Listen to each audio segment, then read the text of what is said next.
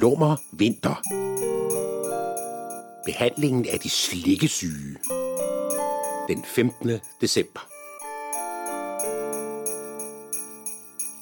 Christina Fridil står på bagtrappen ved pension Fridil. Det er få år siden, at hun i andelslandsbyen Hipsted åbnede sine diskrete ophold for krænkelsesafvænding, og succesen har overvældet hende. En bus fuld med hasteklienter i lyseblå skjorter har fuldstændig lagt pensionen ned, og alt disponibelt mandskab er kaldt ind. Det handler om et pludseligt behov for en dyb renselsesproces i medieuniverset. Nu står hun her med en cigaret og en sandwich og hugger den i sig. Redaktørerne for de blå skjorter render stadig rundt på gangene for at finde hende og for at holde de nysgerrige pressefolk væk og stanken. Om få minutter kommer det hold, hun har haft kontrakt på siden sensommeren. Politikerne.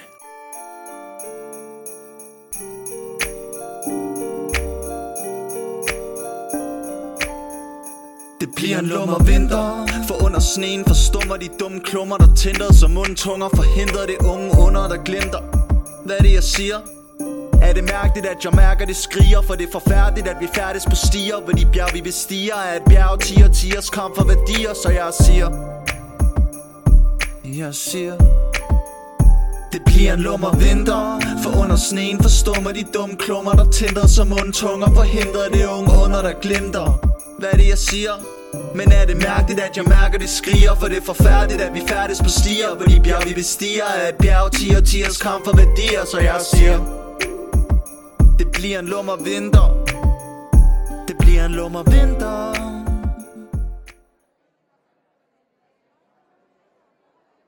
Hun er forberedt på de første 24 timers intensiv chokreaktion, som alle klienter kommer med. Der er ikke noget at se. Det var en anden tid.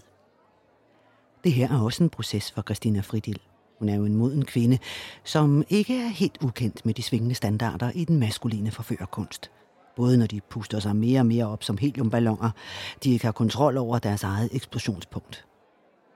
Og når det så går galt, og det hele bare kollapser. Når hele deres indsats er ved at forvidre fra anerkendt succes til rollerne som slimede mandslinger, så er det svært selv for den mest hårdføre afkrænker.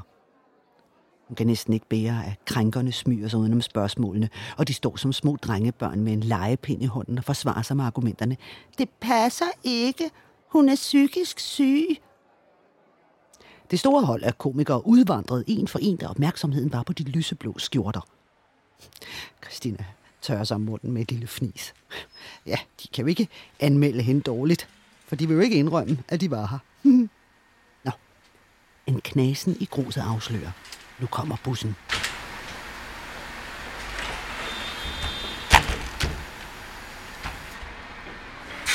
Det ligner en overdrevet 3D-kopimaskine, da mænd i de samme jakkesæt og hvide skjorter kommer ud af fordøren med hovedet nedbøjet i den vinkel, der betyder ingen kommentar.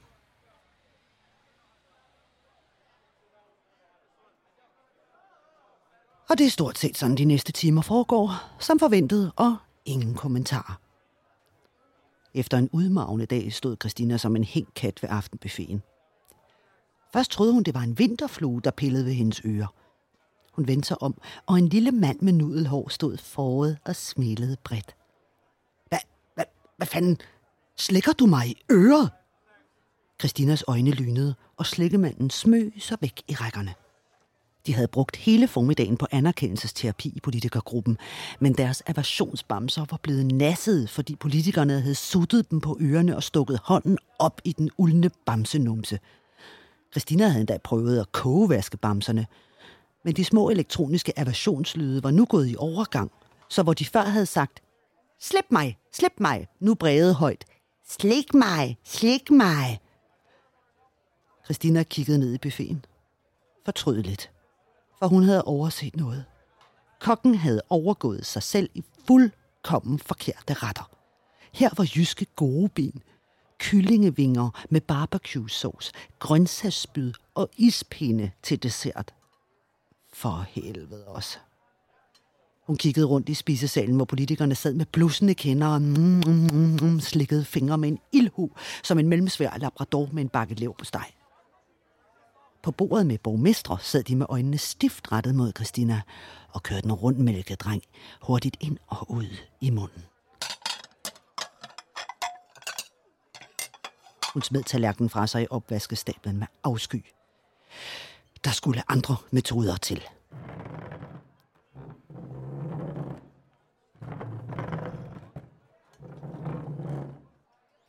Christina satte stole op på rækker som en bus, og hun stod klar til klienterne. Nu måtte det ikke fejle. Hendes renommé som den førende krænkerterapeut skulle forsvares.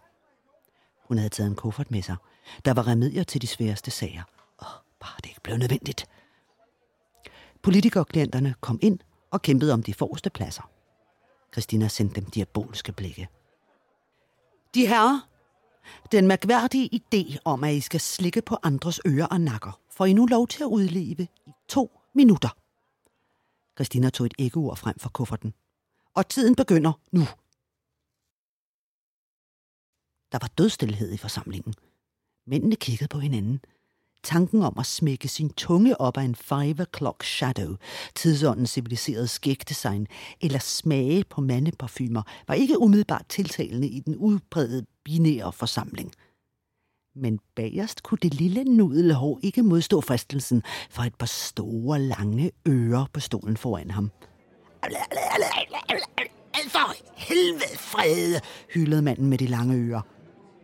Christina foldede armene og kiggede stramt på forsamlingen. Forstår I nu, hvorfor at man ikke skal slikke på hinanden uden samtykke?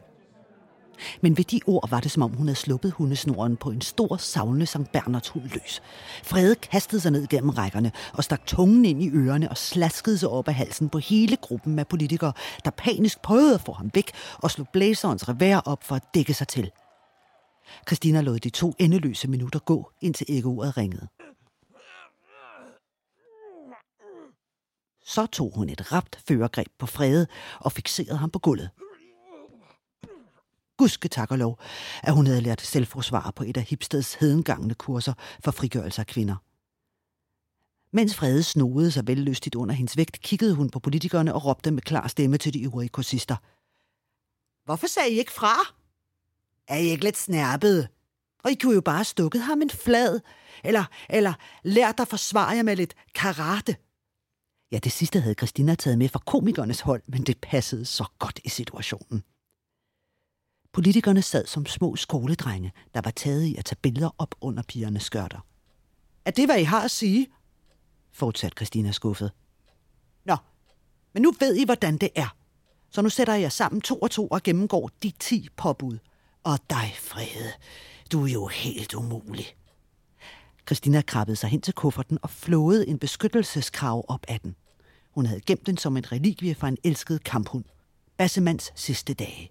Med en enkelt hånd gennemgik hun halvstillingerne fra schnauzer til Grand Danois. Hun fandt en passende størrelse labrador, som hun satte på fred. Så, så kan du stå der som en standerlampe i hjørnet og holde tungen for dig selv. Det bliver en lummer vinter. Det bliver en lummer vinter. Lyt med i morgen til næste afsnit af julekalenderen Lummer Vinter.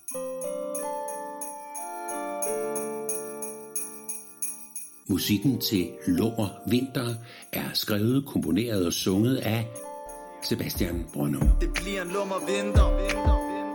Det bliver en lummer vinter.